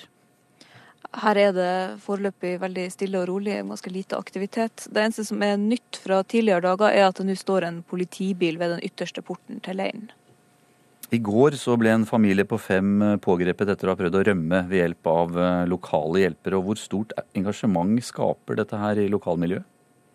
Altså, asylspørsmålet har prega eh, Sør-Varanger-samfunnet helt siden i fjor høst. og Folk har engasjert seg for å samle inn eh, klær og leker til de som har kommet over eh, Storskog fra Russland. Og Engasjementet ser ikke ut til å ha blitt mindre ut av det som har skjedd de siste dagene. Nå ser vi bl.a. at det kan virke som noen prøver, kommer til å prøve å organisere en, en markering oppe på Vestleiren også i formiddag. Så ble det altså ingen utsendelser i går, men politiet har varslet at de vil eh, gjenoppta det i dag. Hvordan skal eh, disse utsendelsene foregå? Sånn som de har foregått tidligere, eh, så har det blitt altså Sånn som i går så ble det hengt opp liste over de som skulle transporteres til Russland i syv-halv åtte-tida. Planen var da at bussen skulle komme klokka ti og kjøre dem til den russiske grensa, og så videre til byene Nikkel eller Murmansk i Russland. Eh, nå skjedde ikke det i går, eh, og så får vi se hva som blir situasjonen i dag.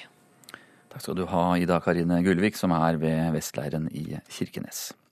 Og SV får neppe støtte til forslaget om å stanse tvangsreturer av asylsøkere til Russland. Partiet har annonsert at de i dag skal prøve å få et flertall på Stortinget for å stoppe tvangsreturneringen. NRK har i morgentimen i dag vært i kontakt med både KrF og Arbeiderpartiet. De kommer ikke til å skrive under på brevet som SV vil sende til regjeringen. Minst 17 mennesker ble drept da terrorister skjøt mot en menneskemengde utenfor en populær strandrestaurant i Somalias hovedstad Mogadishu i dag. Skuddsalver høres på stranden i Mogadishu. Ifølge øyenvitner har islamister skutt på måfå inn i menneskemengden som sitter langs stranden på det populære restaurantområdet i den somalske hovedstaden. Like før hadde terroristene sprengt to bilbomber i det samme området. Totalt mistet minst 17 mennesker livet. Sa reporter Christian Aanensen. Og terrorgruppa Al Shabaab har tatt på seg skylda for angrepet. Har tidligere gjennomført en rekke lignende angrep. En snøstorm er på vei mot eh, det østlige USA. Flere tusen flyavganger er innstilt, og i hovedstaden Washington stanses hele buss- og metrosystemet fram til mandag. Den amerikanske hovedstaden og tilhørende områder kan få opp mot 60 cm snø i løpet av helgen, samtidig som det er ventet kraftig vind. Fra et eh, norsk ståsted kan snøfallet virke mindre avskrekkende, kanskje, men i Washington-området så kan det bli det største på nærmere 100 år. Bedrifter som ikke har læreplasser, skal bli utelukket fra en rekke kontrakter med det offentlige. Det går fram av et nytt lovforslag som regjeringen legger fram i dag. Her blir det støy. Ja, flott. Næringsminister Monica Mæland vises rundt av rektor på Kuben videregående skole i Oslo. Inne i snekkerverkstedet står dukkehus og hundehus tett i tett. Hva er det du lager? Jeg lager en dør. En dør, ja. Elevene her blir etter hvert lærlinger, så fremt det er læreplass til dem. I dag står 9000 ungdommer uten plass. Nå vil næringsministeren tvinge bedriftene til å ta inn flere lærlinger. Det vi gjør, er å innføre regler som gjør at det skal stilles krav om lærlinger når det offentlige gjør sine innkjøp. Stat, fylke og kommune handler årlig varer og tjenester for rundt 460 milliarder kroner. Det er en betydelig sum. Det betyr at det er veldig mange kontrakter som inngås. Eh, og vi sier nå at eh, der det er behov for det, skal det stilles krav om lærlinger. Ikke bare lærling i bedriften, men lærling på selve kontrakten. Veldig gode nyheter. LO-sekretær Trude Tindlund er positiv til forslaget, og sier de lenge har etterlyst et slikt lærlingkrav. Så Vi er veldig glad for at det blir en styrking nå i loven. Dette er bra for samfunnet vårt, det er bra for, eh, for elevene, det er bra for søkningen. Altså Vi trenger flere læreplasser, og vi trenger å gjøre noe med useriøsiteten i utsatte bransjer. 70% av læreplassene i Norge er i privat sektor, og det er flest av dem i oljeavhengige Rogaland og Hordaland. Oslo er stedet i landet der det er lettest å få læreplass. Kuben-elevene Brage og Erik gleder seg. Det jeg gleder meg mest til av alt, da er liksom å se produktet jeg har laget. Det starter for fullt i tredje året. Så er det tre år i lære. Og da er du klar? Da er jeg klar. Så flott at dere ville møte oss, da. Forslaget om eh, krav til eh, lærlinger eh, for å få kontrakt, det skal ut på høring. Reporter i denne saken, det var Fredrik Lauritzen.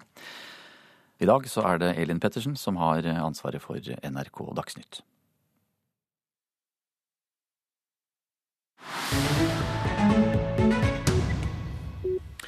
Nyhetsmorgen skal til Venezuela. Der har fallet i oljeprisen ført til økonomisk krise. 95% av landets eksportinntekter kommer fra salg av olje. Så nå har sosialistregjeringen i Caracas innført økonomisk unntakstilstand, mens høyreopposisjonen tordner mot president Maduro. Selv har Maduro innrømmet svakheter og feil. Arnt Stefansen har sendt oss denne reportasjen. Las cifras catastróficas del resultado det er katastrofale økonomiske tall som nå legges frem, sier presidenten. Og han erklærer økonomisk unntakstilstand i Venezuela i 60 dager. En periode der myndighetene har utvidede fullmakter overfor næringslivet til å iverksette tiltak de mener er bra for landet. Hva dette betyr, vet vi ikke, men uansett er sosialistregimet svekket, sier en av dets kritikere. El Parlamento está en manos de la oposición. No es poco, ¿eh? Parlamentet er i hendene på opposisjonen. Det er ikke rent lite, sier forfatteren Jaime Bailey. I april er Nicolas Maduro midt i sin presidentperiode, og da kan opposisjonen i parlamentet vedta en folkeavstemning om nyvalg. En slik avstemning vil ende med flertall, og ifølge meningsmålingene er det svært usannsynlig at Maduro kan vinne et slikt valg, sier kritikeren. Rasende mennesker prøver å ta seg inn i en matforretning i hovedstaden Caracas ved å kjøre store handlevogner inn i dørene. De er sultne og desperate etter å ha stått i kø i flere timer. Det er mangel på alt i Venezuela. Matvarer, forbruksvarer og medisiner. Og så snart det dukker opp varer i en butikk, danner det seg lange køer. Sosialistregjeringen sier det er økonomisk sabotasje fra opposisjonen som er årsaken til problemene. Men de fleste eksperter legger skylden på regjeringen og mener at nasjonaliseringen av landbruk og industri har vært en katastrofe for Venezuela. Uansett viser valgresultatet i forrige måned at stadig flere venezolanere nå ønsker et maktskifte. I dette valget var det mange proteststemmer, sier opposisjonslederen Henry Ramos. Og hvorfor det? Fordi folk mener det er regjeringens politikk som har ført til de problemene vi har i dag. Og hvis man vil ha disse velgerne tilbake, så må man endre denne politikken. Vi i opposisjonen bidrar gjerne til en dialog for å løse problemene, sier den nye lederen for Venezuelas nasjonalforsamling.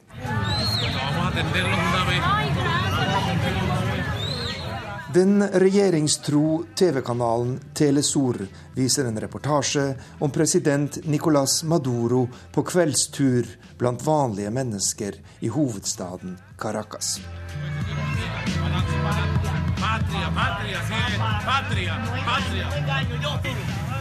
Men bildet av folkets president slår stadig større sprekker. Og millioner av venezolanere venter i spenning på hvordan han og hans parti vil møte den nye utfordringen fra opposisjonen. Imens synker landet ned i stadig dypere fattigdom og økonomiske problemer. Det voldsomme fallet i oljeprisen var det siste det kriserammede Venezuela trengte. Durante la caminata se encontró con la juventud de la patria.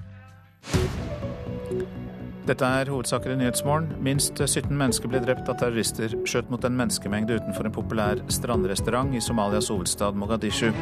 Sikkerhetsstyrker har nå kontroll over situasjonen, ifølge nyhetsbyrået Ap. Domstolene her hjemme er så trege behandle, med å behandle saker at det går på rettssikkerheten løs, sier både advokater og dommere. Trang økonomi og stillingsstopp gjør at det kan bli enda lengre saksbehandlingstid i år. Regjeringen vil tvinge bedriftene til å ta inn flere lærlinger. Byggenæringens landsforening støtter reformen og sier behovet for nye lærlinger er stort. Og dårlige skolekommuner må settes under statlig kontroll. Det mener et Unge Høyre-utvalg. Nå til Politisk kvarter, der Håvard Grønli er programleder.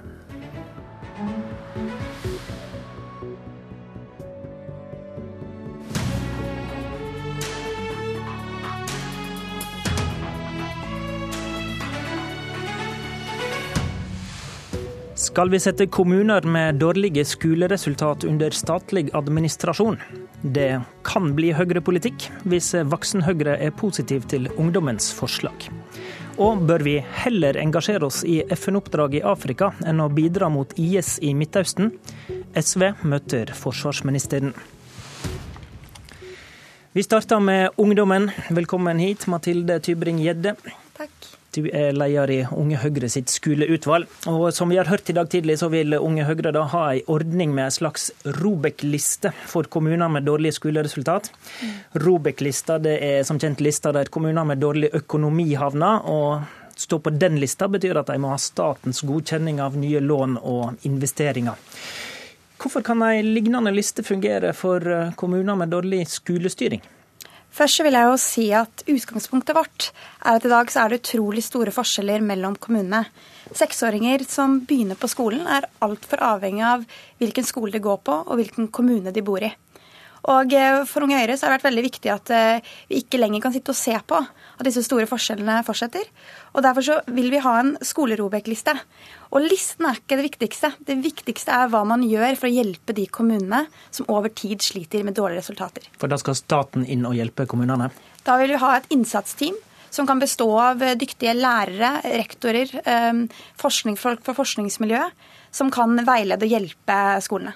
Hva, hva, er det en kommune som um, havner på denne lista ikke kan gjøre lenger, da, som staten skal bestemme? Nei, Først og fremst så vil jeg mene at innsatsteamet fungerer som en veileder. Det gir tips, råd, kommer med erfaringer fra andre kommuner som har knukket koden og hjulpet skolene sine. Men så kan det oppstå noen situasjoner der innsatsteamet vil f.eks. For fordele ressursene annerledes. Og da mener jeg at hvis du havnet på skolerobek-listen, så skal innsatsteamet ha en viktig rolle. Forstår. Kristin Vinje, skal dette bli høyrepolitikk, så er det jo et par slalåmporter ungdomspartiet må passere før et landsmøtevedtak. Og første port det er kanskje moderpartiets kunnskapsutvalg, der du er leder. Og ehm, Kristin Vinje, hva, hva sier de voksne til denne ideen? Ja, I det utvalget som jeg leder, så har vi også diskutert eh, de problemstillingene som Unge Høyre reiser. og er, De er jeg helt enig i. Vi har altfor store kvalitetsforskjeller i norsk skole. sånn at eh, barn som begynner på en skole hvor det ikke er eh, spesielt god struktur og kvalitet, får rett og slett ikke den samme gode utdanningen som de hadde fått hvis de hadde gått på en skole der det er fokus på kvalitet okay, og styring. Så problembeskrivelsen er lik. Absolutt. Skal staten inn på en måte? Og Det er utrolig viktig at vi adresserer denne problemstillingen. Det vi har tatt til orde for i utvalget vårt, er at vi savner en eller annen slags eh, tilsynsmyndighet som kan ta dette problemet på alvor og veilede skolene til å kunne komme inn på et bedre spor, som også sitter på den verdifulle informasjonen fra andre kommuner som faktisk eh, gjør godt skolearbeid, sånn at man lettere kan dele de gode erfaringene som finnes. Og Jeg hørte tidligere i sendingen at det er pekt på flere andre land som har gode ordninger med dette. F.eks. i England har de et eh, offentlig tilsyn som heter Ofsted, som har den rollen å mm. sørge for kvalitet. Mm. Det finnes også i Ontario i Canada og andre steder som vi kan la la oss inspirere av. Men du, da, du peker da først og fremst på hjelpetiltak, ja. du, ikke ta over ja, jeg kontrollen? Jeg syns det å lage en sånn Robek-liste har en litt sånn negativ tvist, men poenget er jo at eh, vi må adressere problemstillingen, og det syns jeg er kjempeviktig. og det skal vi definitivt diskutere mer for å komme opp med gode forslag til løsning på dette problemet. Hva er negativt med lista, da?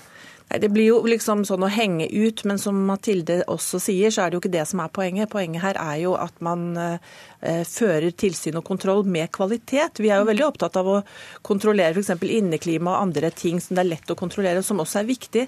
Men det aller viktigste med skolen er jo kvalitet i opplæringen. Og der er vi ikke så gode til å kontrollere, og det må vi gjøre noe med. NRK besøkte Bamble kommune i, i Telemark, som er en av kommunene som skåra under nasjonalt snitt på grunnskoleeksamene. Og her skal vi høre Ap-ordfører Hallgeir Kjeldal sine to innvendinger mot dette forslaget. Det er jeg helt sikker på at det vil føre til mer rangering. Og da vil du liksom bruke dette, da. Nei, jeg flytter ikke til en Robek-skolekommune. Det er kommunene som er best skikka til å jobbe langsiktig og strategisk med sine egne skoler. Han mener altså det vil gi mer rangering, og han mener kommunene kjenner best sjøl hvor skoen trykker. Hva sier du til de innvendingene, Tybring-Gjedde? For det første så er det jo viktig å huske at alle resultater i norsk skole i dag er jo offentlig på nettet.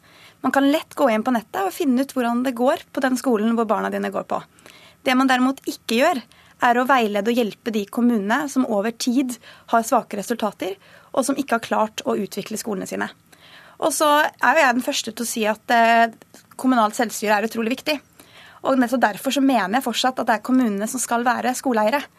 Men når det er så store forskjeller, når det å bli født på feil side av kommunegrensen skal ha så mye å si på hvilken jobb du får i fremtiden, og om du fullfører videregående, ja, da mener jeg at eh, staten må ta grep i noen få kommuner. Hva sier du til dette, Vinje, som dere er enige om, så er Høyre opptatt av kommunalt selvstyre. Men vil du være med på å gå dit at i de ekstreme tilfellene så kan staten faktisk ta over kontrollen? Det er jo eh, sånn at det er tilsyn og kontroll i dag også, men hvordan vi skal eh, sørge for å hjelpe i ytterste konsekvens de kommunene som ikke gjør jobben sin, det har ikke jeg helt klart for meg enda, men det er helt åpenbart at jeg syns vi bør styrke den tilsyns- og kontrollfunksjonen som jeg syns vi ikke har godt nok utviklet i dag. Og det er utrolig viktig, fordi vi vet at det er mange forskjellige måter å styre skolen på, og mange kommuner gjør veldig god jobb og har knekket mange koder for hvordan det skal skje, mens andre ikke bryr seg så så mye, og det så, så, er ikke bra. Så prinsippet om at staten kan ta over denne delen av politikken for en kommune, det avviser du ikke helt? Nei, som sagt så har ikke jeg bestemt meg for hvordan vi skal gjøre dette rent praktisk, men jeg syns hele ideen og tanken er utrolig viktig. Mm. Jeg vil bare legge til at Dette er snakk om et eh, midlertidig tiltak i de kommunene som eh, sliter aller mest.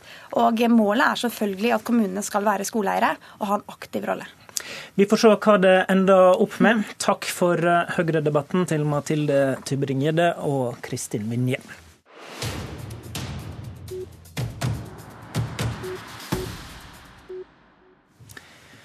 Hva for et formål skal vi bruke våre knappe militære ressurser til? Om eh, ikke lenge så kunngjør forsvarsministeren om og eventuelt hvordan vi skal bidra i kampen mot eh, IS. Samtidig så eh, sendte vi i går et eh, transportfly og mannskap til FNs fredsbevarende operasjon i Mali i Afrika. SV mener at vi bør gjøre mer av eh, slike sistnevnte FN-oppdrag i Afrika, framfor å bidra i kampen mot IS i Midtøsten. Hvorfor det, Heikki Holmås? FN-operasjoner er viktige fordi FN har fått myndighetene og alle verdens land til å gripe inn for å forebygge krig, megle fred og for å prioritere hvor det er vi skal sette inn militære styrker, nemlig de stedene der verdenssamfunnet mener det er viktigst. Og Det er et faktum at Nato-land som Norge ikke gjør eh, sin del av jobben i FNs fredsstyrker. Ser du på bidragene fra i fjor, så kom Italia ut som beste Nato-land på 26.-plass. Norge kommer på 75.-plass over bidragsytere, med færre enn 100 mannskaper. Og det er langt unna det våre naboland Finland og Sverige gjør, som har mer enn tre ganger så mye. Og selv om vi får en Hercules på plass i eh, Mali og FN-styrken der i år, eller i, i, går, så er det riktig å si at Norge de siste årene har ligget på et historisk bunnivå når det gjelder bidrag til FN. Det mener jeg er feil prioritering. Hvor mener du vi bør eh, bidra konkret? Nei, altså Det er flere pågående operasjoner der eh, FN etterspør folk. Men det er klart en av de tingene vi må gjøre, og som jeg syns er viktig, er at vi står klare til og er forberedt til den neste konflikten som trenger våre, våre styrker. Og En av de tingene som er mest aktuelt nå, er jo krisen i Burundi, der presidenten eh, Nkurunziza har stilt opp til en tredje valg, valgperiode. Det har vært konflikt eh, det siste, det siste året. Den tredje valgperioden er i strid med Grunnloven. Kritiske medier er stengt, opposisjonen har flyktet. 2,5 400 000 mennesker er jaget på flukt, og mennesker drepes og bortføres hver dag, og vi risikerer at det sprer seg til nabolandene. Og da, da mener jeg at krisen i Burundi er en sånn karakter at Norge må være pådrivere eh, innad i FN for å ta initiativ til fredsbevarende styrker, og si seg villig til å stille med styrker hvis det skulle bli aktuelt. Og da bør vi ikke bruke styrkene våre i en IS-kamp, men heller spare dem i hermetegn til slike situasjoner? Ja, jeg mener at vi kan gjøre en viktigere jobb og bidra mer i en sånn sammenheng. Det er der eh, vi trengs, og det er det som vil bidra til mest fred og sikkerhet. Forsvarsminister Ine Eriksen Søreide, vi har et eh, begrensa antall soldater og militære ressurser. Hva er det rett å bruke dem på? Det vil alltid være en konkret vurdering Norge gjør, både av hensyn til hva vi kan bidra med i en aktuell eh, operasjon, eh, sikkerhetspolitiske vurderinger, og det skal være også i tråd med norske interesser. Det har egentlig ligget til grunn for eh, de valgene Norge har gjort gjennom mange tiår. Og det kommer det fortsatt til å gjøre. I dag har vi dobbelt så mange soldater til stede i FN-leda operasjoner som vi har i Nato-operasjoner. Og eh, i går sendte vi Hercules-flyet vårt eh, til Mali. Det betyr mer enn en tredobling av det bidraget vi har hatt der siden høsten 2013. Det er eh, en operasjon som er interessant av mange grunner. En av grunnene er at dette er egentlig en av de første operasjonene hvor vestlige land får et veldig tydelig fotavtrykk. Eh, FN-leda operasjoner har jo ofte både afrikansk, afrikanske og asiatiske eh, hovedstyrker. Men, men, men, la meg stoppe deg litt, for selv om du sier dobbelt så mange, så er det jo et faktum at vi har jo aldri hatt så få soldater i FN-leda fredsoperasjoner. Eh, sånn at det er jo ikke snakk om et stort nivå på dette nå. Bør det trappes opp, sånn som Holmås vil? Som sagt så er det konkrete vurderinger av operasjonene. Og det gjør vi jo alltid når vi enten får forespørsel om en operasjon, eller når vi ser at en operasjon kan være under oppseiling. Og da er det jo mange faktorer som må vurderes, og det er jo en av grunnene til at det for et lite land som Norge ikke alltid kan være de største styrkene, men vi Nei. kan stille med nisjekapasiteter som betyr mye i en operasjon. For vi har jo begrensa med militære ressurser, og det er jo litt av poenget. Kan f.eks. et bidrag i kampen mot IS gå på bekostning av hva vi kan bidra med i FN-oppdrag? Per i dag så bidrar vi jo allerede i kampen mot ISIL. Vi har kapasitetsbyggerbidrag i Irak. Og det er ingen som må forledes til å tro at ikke ISIL også må bekjempes militært. og Derfor gjør vi dette sammen med en koalisjon av 63 andre land. Er det viktigere enn FN-operasjoner? Det er ikke nødvendigvis viktigere enn FN-operasjoner, men det er en vurdering av hvilke operasjoner Norge kan bidra i, også ut fra sikkerhetspolitiske hensyn. Og jeg tror det er viktig å forstå i denne konteksten at det å være i utenlandsoperasjoner, selv med små bidrag, krever veldig mye understøttelse. Det krever logistikk, sanitet, etterretning og samband. Og det er kritiske nisjekapasiteter som et lite land som Norge ikke har så mye av. og Dermed så må vi også prioritere ressursene dit vi f.eks. kan samarbeide med nære allierte, enten det er fra Nato eller nordiske land. Vi har jo gode muligheter til å øke våre bidrag f.eks. i Mali, og samarbeide med nære allierte som Finland og Sverige, altså i andre nordiske, nordiske, land. Og det er jo ikke sånn at jeg er alene om å komme med denne kritikken. Den 26. november i fjor så kom jo den meritterte generalen Robert Mood, den norske generalen Robert Mood, med en tydelig kritikk av norsk politikk. Han sier, og det er sterke ord han bruker, det er forstemmende å se at Norge søker etter små bidrag og putte inn litt her og der i FN-sammenheng, i stedet for å ha en ambisiøs, helhetlig tanke med å satse på FN-operasjoner. Og det er, eh, det er, nettopp denne kritikken som jeg mener det er riktig å målbære. For når vi var villige til å ha 750 soldater eh, med, med støttemannskap og alt mulig i, eh, i, Afghanistan på det meste, mens det vi ser at vi bidrar med i FN-sammenheng i ettertid av dette, det er mye, mye mindre, altså 100, under 100 mannskaper. Og da da, da, synes jeg det er riktig å si vi har vært i stand til å prioritere Nato- og USA-ledede operasjoner tidligere. Nå bør vi prioritere FN-operasjoner. Og det er ikke de alene om å mene.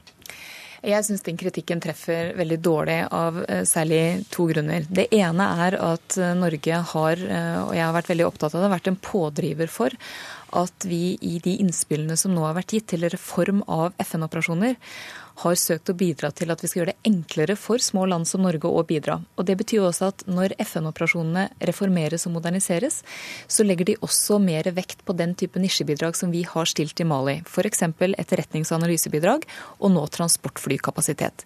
Vi ga også beskjed til FN at vi kan stille vårt transportfly til disposisjon også for andre FN-operasjoner i Afrika, til medisinsk evakuering eller transport av personell, det ble veldig godt mottatt. Og det er en måte å jobbe på som FN nå har begynt med, der de ser operasjonene mer i sammenheng, prøver å utnytte ressursene bedre, og det gir mer åpninger for små land som Norge. Noen har Holmås nevnt Burundi. Er det et land som er på din radar som en, eh, et område som det kan bli aktuelt å bidra med norske militære styrker? For det første er det jo veldig lite aktuelt for FN nå å sette i gang en operasjon der. Den afrikanske union har eh, godkjent en operasjon på 5000 personer der. Men, plan, men ikke, kan vi planlegge for? Ja, altså Det har jo ikke Burundi akseptert, og FN har jo sagt at de heller ikke ønsker å sette i gang en operasjon så lenge Burundi ikke har akseptert det. Og Det betyr at det nok ligger noe inn i framtida, men det må være en konkret vurdering på linje med andre vurderinger vi gjør, dersom vi får forespørsler om å delta, om å bidra. Holmås.